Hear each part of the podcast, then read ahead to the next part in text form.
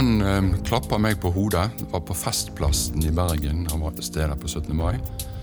Og så sa han du må overta som prest etter meg i Buenos Aires. Og det var et minne som brente seg fast i en liten bygutt.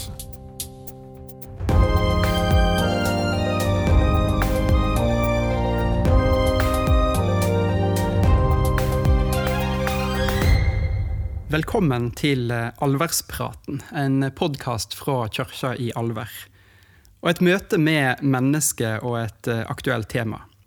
I dag skal det handle om faste, fastetid og faste steg. Jeg heter Torbjørn Sele, og i dag har jeg fått med meg Idar Simonsen. Velkommen til deg. Takk for det. Hvem er du, eh, Idar? Du må si litt om deg sjøl innledningsvis. Ja. Går raskt tilbakeskritt til jeg var fire-fem år gammel. Da eh, møtte min far og jeg en eh, gammel sjømannsprest fra Syd-Amerika. Og Han eh, klappa meg på hodet. Det var på Festplassen i Bergen. Han var til stede på 17. mai. Og så sa han du må overta som prest etter meg i Buenos Aires. Og det var et minne som brente seg fast i en liten bygutt. Ja. Så nå, og, og så lespet jeg.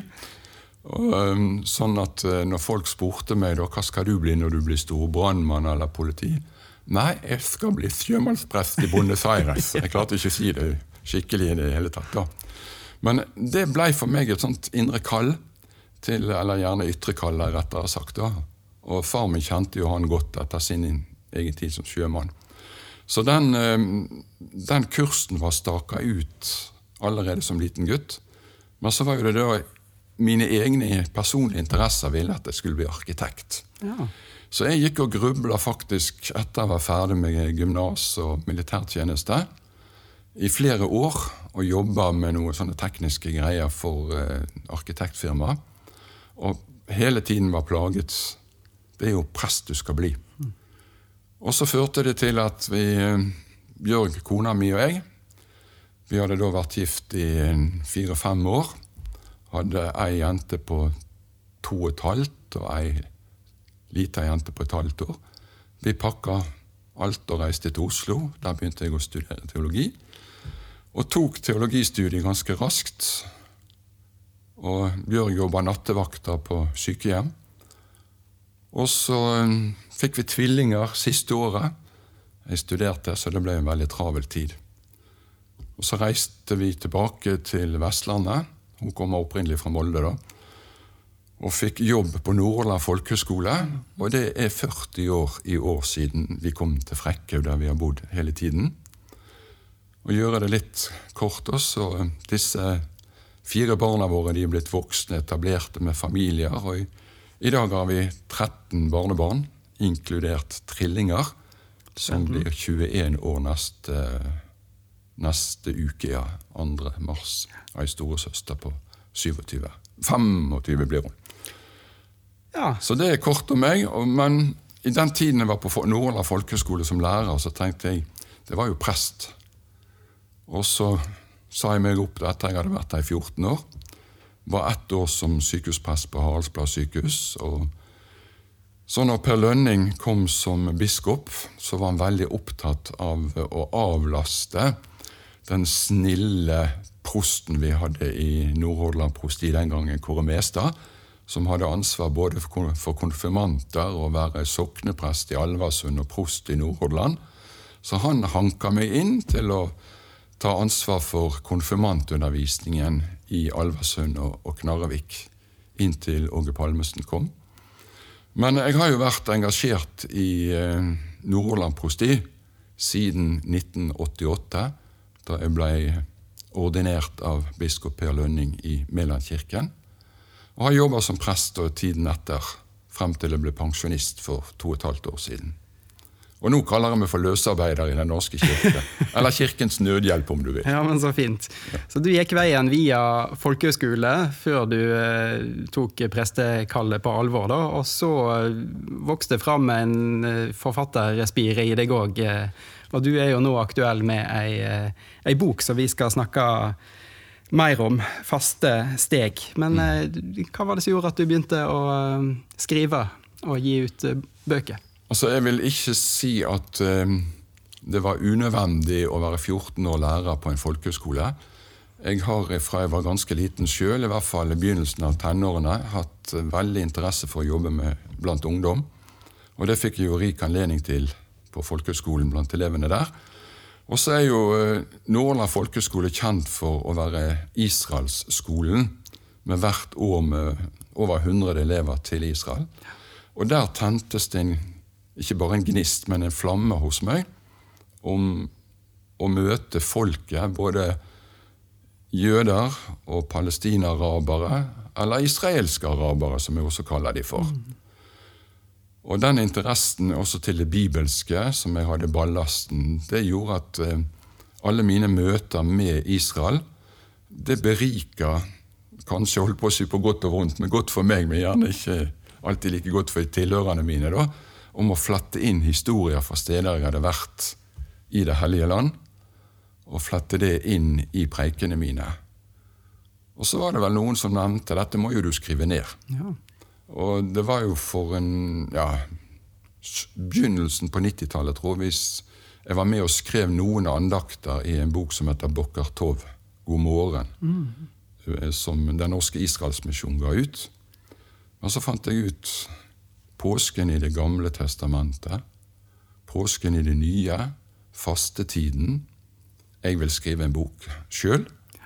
Så um, det var en sånn et behov som jeg hadde å sette ord på skriftlig også, at andre kunne få lov. For mine turer til Israel det var svært ofte det at eh, jeg blei aldri lei av å ha verken elever eller etter at jeg slutta på folkehøgskolen.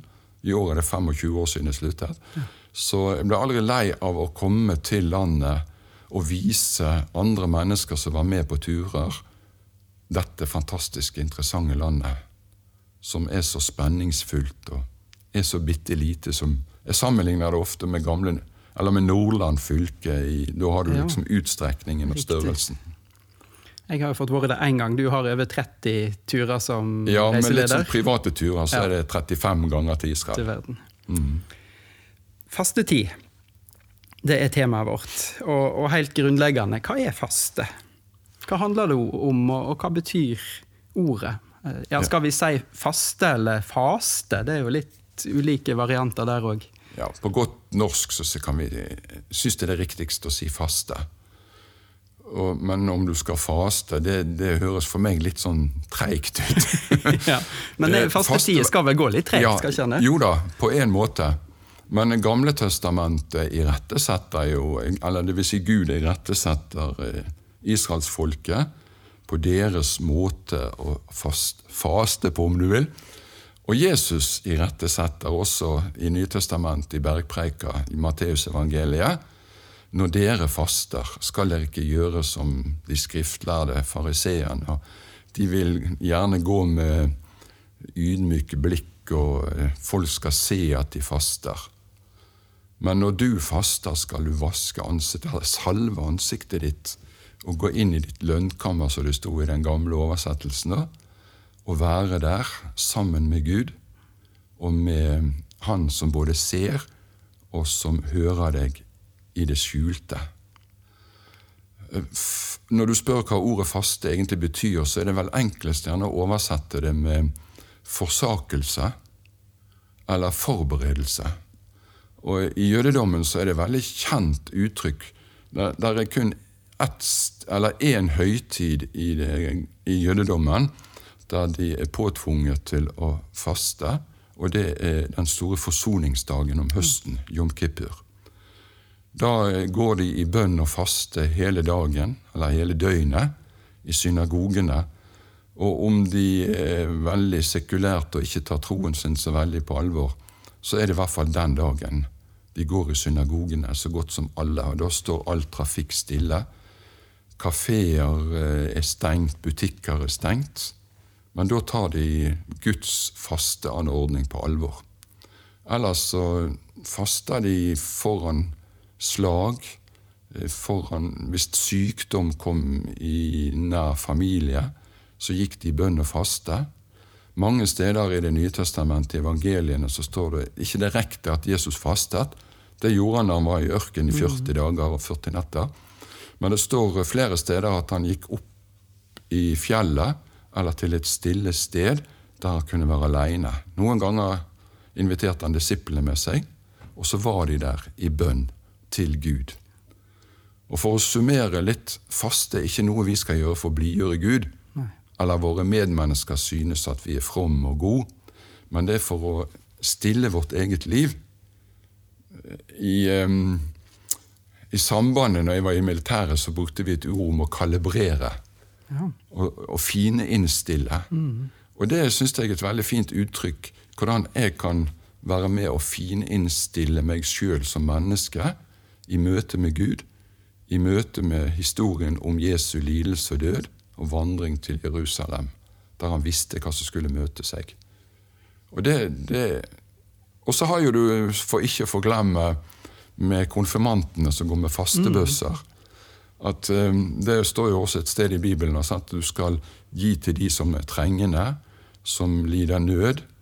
Ikke med å være sånne fromhetsøvelser, men uh, å vise mennesker at du faster med å forsake noe for din egen del. Når noen spør deg om, kjort, uh, om kappen din, så gir han også kjortelen. Ber han deg gå én mil, så skal du gå to mil. Det å være et medmenneske, Ja. Det er en, også en, en reell form for faste. I mine øyne, selv om jeg ikke klarer å praktisere det så godt. Nei, det var det, da. For vi er jo litt egoister alle sammen.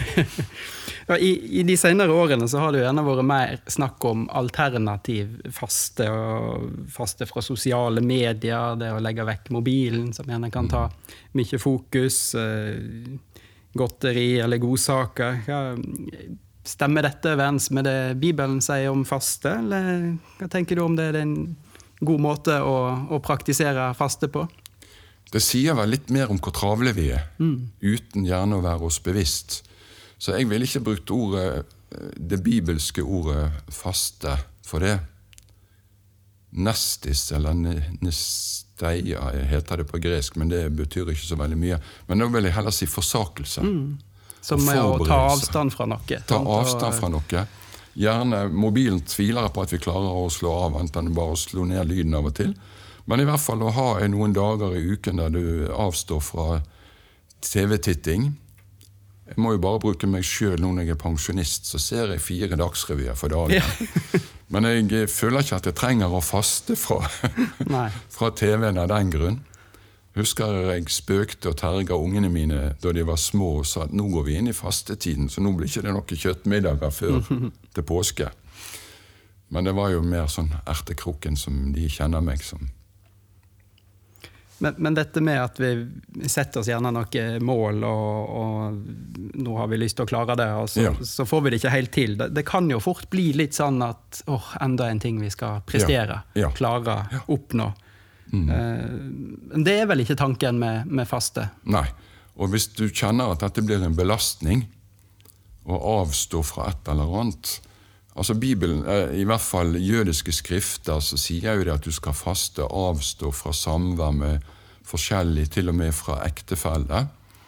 Men det, det er sånne fromhetsøvelser som gjerne hørte mer lovisk ut enn evangelisk til glede og til nytte. Men det å være i bønn, gjerne i fastetiden, og bruke hver morgen Nå får jo vi bedre tid, vi som er pensjonister, enn gjerne dere travle yrkesaktive. Så eh, å ta tid til det at nå er vi i fastetiden.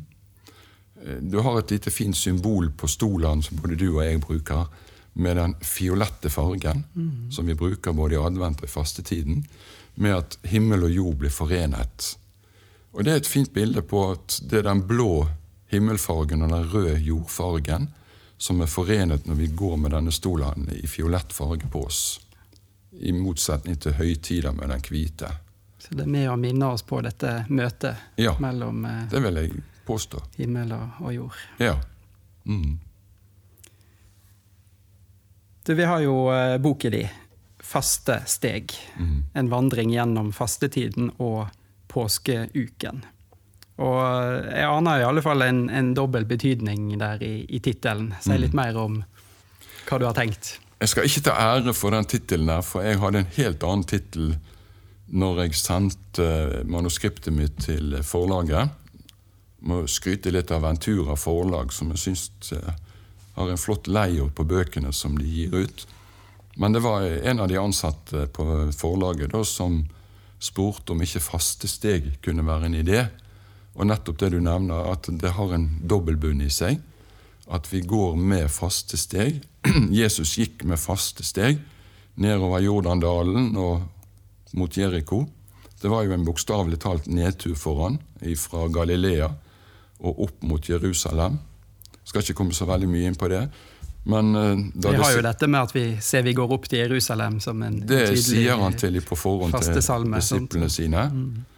Og um, mens de kommer inn og ser denne fantastisk flotte byen som du godt kan si er kledd til påskefeiring, som en av de store høytidene i Israel, så sitter Jesus nedover langs Oljeberget og gråter 'Jerusalem, Jerusalem', hvor gjerne jeg ville samle deg som hønemor samler kyllingene.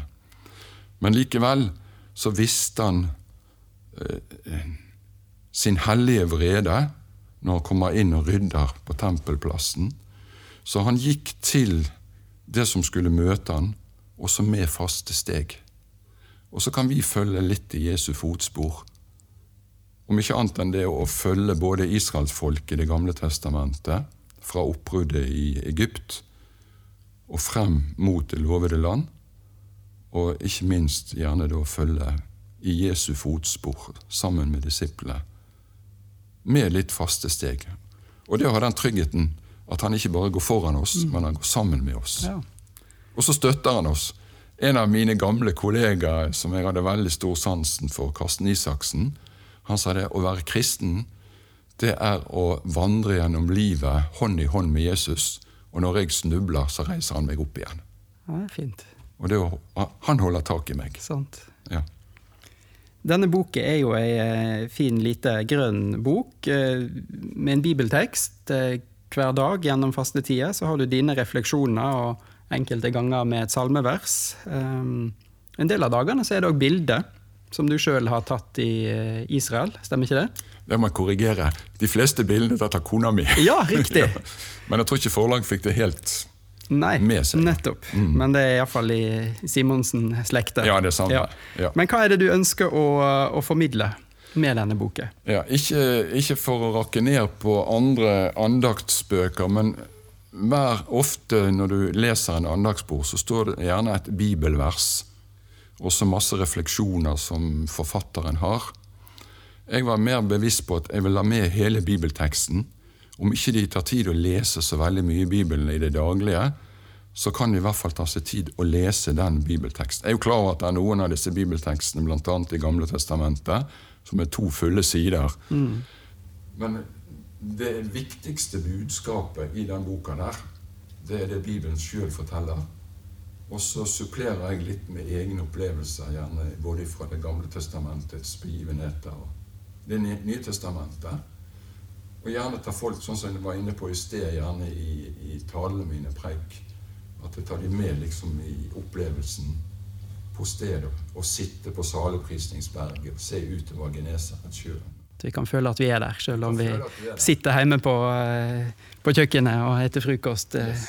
Så, for eh, jeg har jo sjøl brukt eh, denne boka gjennom fastetida og påsketida tidligere, og, og den er jo såpass kort, da, selv om det er noen bibeltekster som, som fyller noen linjer, at det er mulig å, å komme gjennom eh, med ikke altfor mange minutter for dagen. Og det er vel gjerne noe av denne rytmen òg du, du prøver å gi litt hjelp til. Eh, hva tilbakemeldinger har du fått da, eh, fra lesere? Jeg har fått eh, gode tilbakemeldinger. Må bare nevne ei eldre dame. Hun har sluttet å ringe noe om det pga. helsen, eller om hun er der lenger. Det vet jeg ikke. Men hun ringte hvert år når vi nærmer oss påsketiden i boka. da. Og så var det en spesiell av de eh, overskriftene og bibeltekstene som betydde veldig mye for henne. Fordi hun hadde opplevd noe som var veldig vondt for mange mange år tilbake. Og så, eh, ringte, da, så hørte jo hvor hun var fra, men jeg trenger ikke røpe. Så sa hun det 'Snakker jeg med Ida Simonsen?' Ja, sa jeg. Mhm. Og jeg må bare få takke deg. Og det var det samme hvert år, men jeg satte like, like stor pris på det. Ja. Og der er jo flere andre som syns det er kjekt å lese. Det som jeg har bommet veldig på, som gjerne du som teolog også har oppdaga, at vi lot Maria budskapsdag og fjerde søndag i faste gå i ett, og så kommer du rett over på palmesøndag. Så det er egentlig mangler der en uke. Og det fikk jeg nå senest denne uken her. Fikk jeg eh, en eh, melding på Facebook fra en kar som sa vi har lest gjennom boka di hvert år, men vi føler at det mangler en uke. og jeg måtte svare han da eh, på Messenger da, at du har helt rett, og det er noe som har irritert meg fra 1970 Nei, unnskyld, 2070, sø- 2017, når boka Ja. kom ut. At uh, det mangler en uke. Men så rodde jeg litt, og så sa jeg det at uh, påskedagene så bruker jeg eh, ett et avsnitt for morgenen og ett for kvelden. Og så har jeg med uken etter andre påskedag videre Ja. Så kanskje vi kan Stemmer. kompensere litt med Ja, den tror- uken tror som det må være innafor. Og så er det en hjelp til å hente seg inn da, for Ja de som eventuelt eh, misser en dag eller to på veien. Men første dagen når jeg hadde boka med til disse gamle Unnskyld, de pensjonerte prestene i Nord-Holland, så var jo det en som oppdaga det der ganske fort. Og at vi får vel lese en uke to ganger, da. Ja.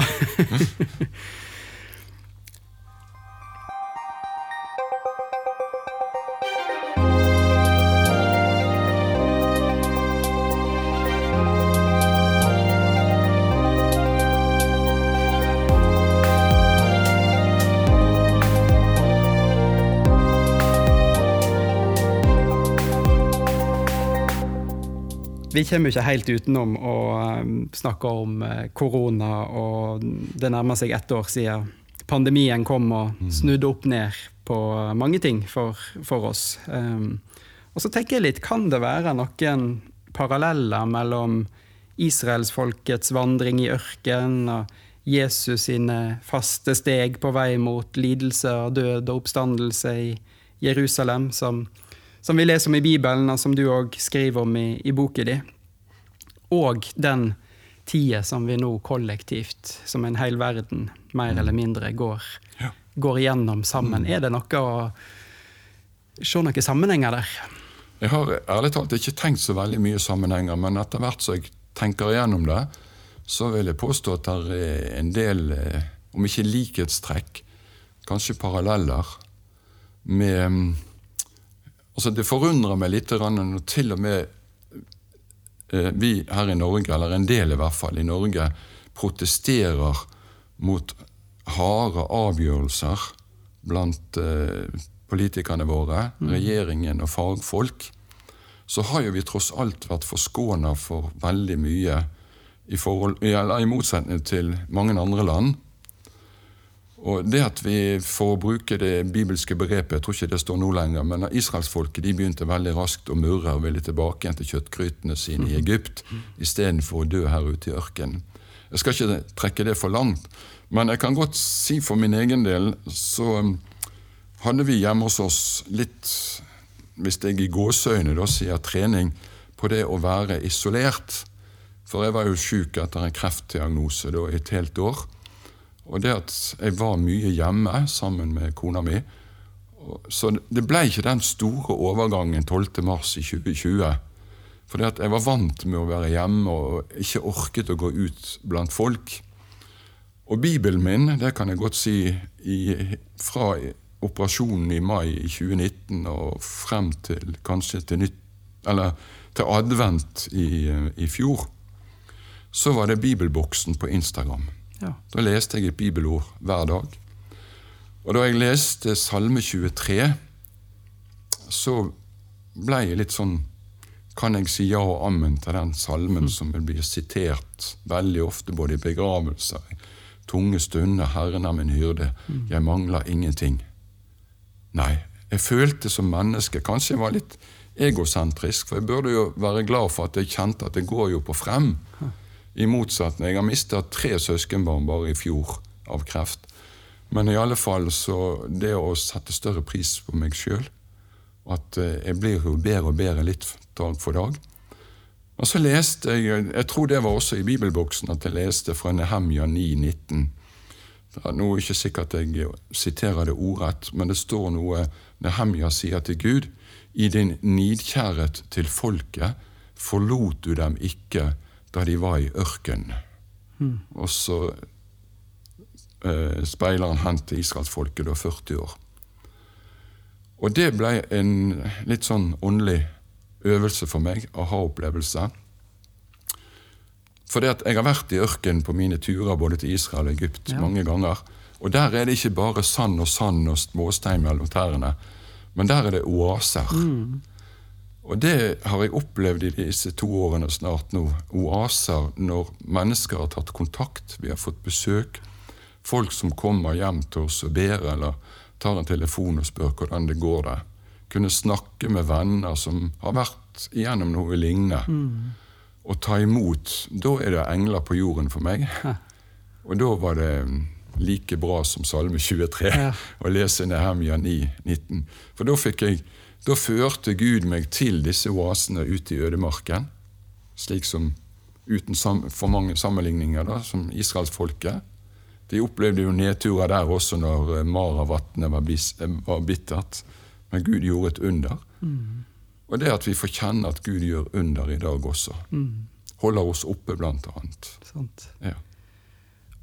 Og du har jo, som du har vært inne på, med påskeveka og veka etter påske, eller første veka i påsketida i boka di òg, underet som, som skjer der.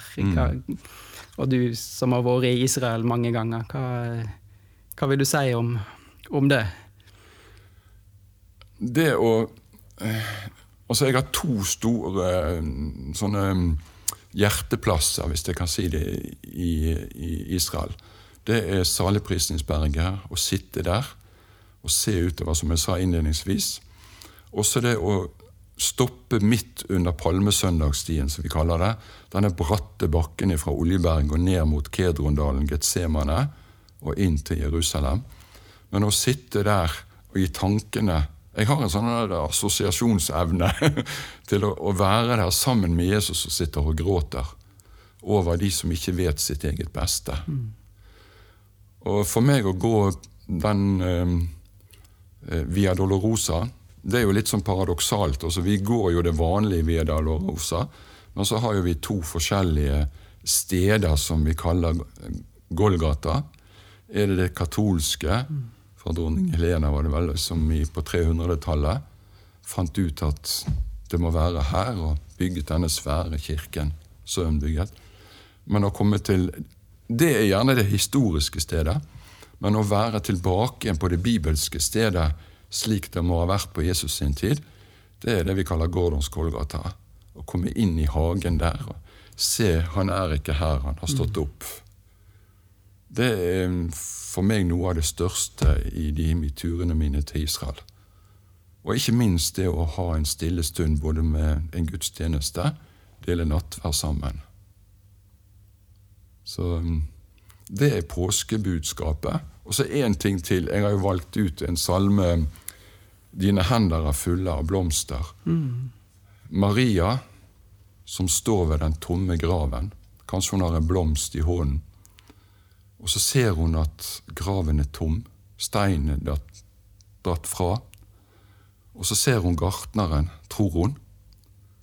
Og hun spør, 'Si meg hvor du har lagt den, så skal jeg ta, ta den med meg.' Jeg, må, jeg klarer ikke å la være å se liksom humoren i akkurat det der. Hun skal ta med seg denne mannen som er i hennes øyne er død, og så gravlegger han på et annet sted. Og så er det Jesus som sier navnet hennes. Jeg så filmen En, pest, en prest og en plage med Børre Knutsen for en god del år siden. Og når han går opp i Balsfjord, denne hytten utenfor på veien der, skjelvende av parkinson med staven i hånden, og så synger han en gammel salme. Og så slår han stokken ned i bakken, og så stopper han opp og ser inn i kameraet, og så sier han ja visst var det gartneren hun møtte der i hagen. Han som kan luke vekk ugraset, stelle vannet og gi varme og sol. Det var gartneren, men det var Jesus hun møtte. Og så løper hun av gårde som tidenes første misjonær. I hvert fall kristentroens første misjonær og forteller 'Jeg har sett Herren'. Så fint. Det var et langt svar på et spørsmål.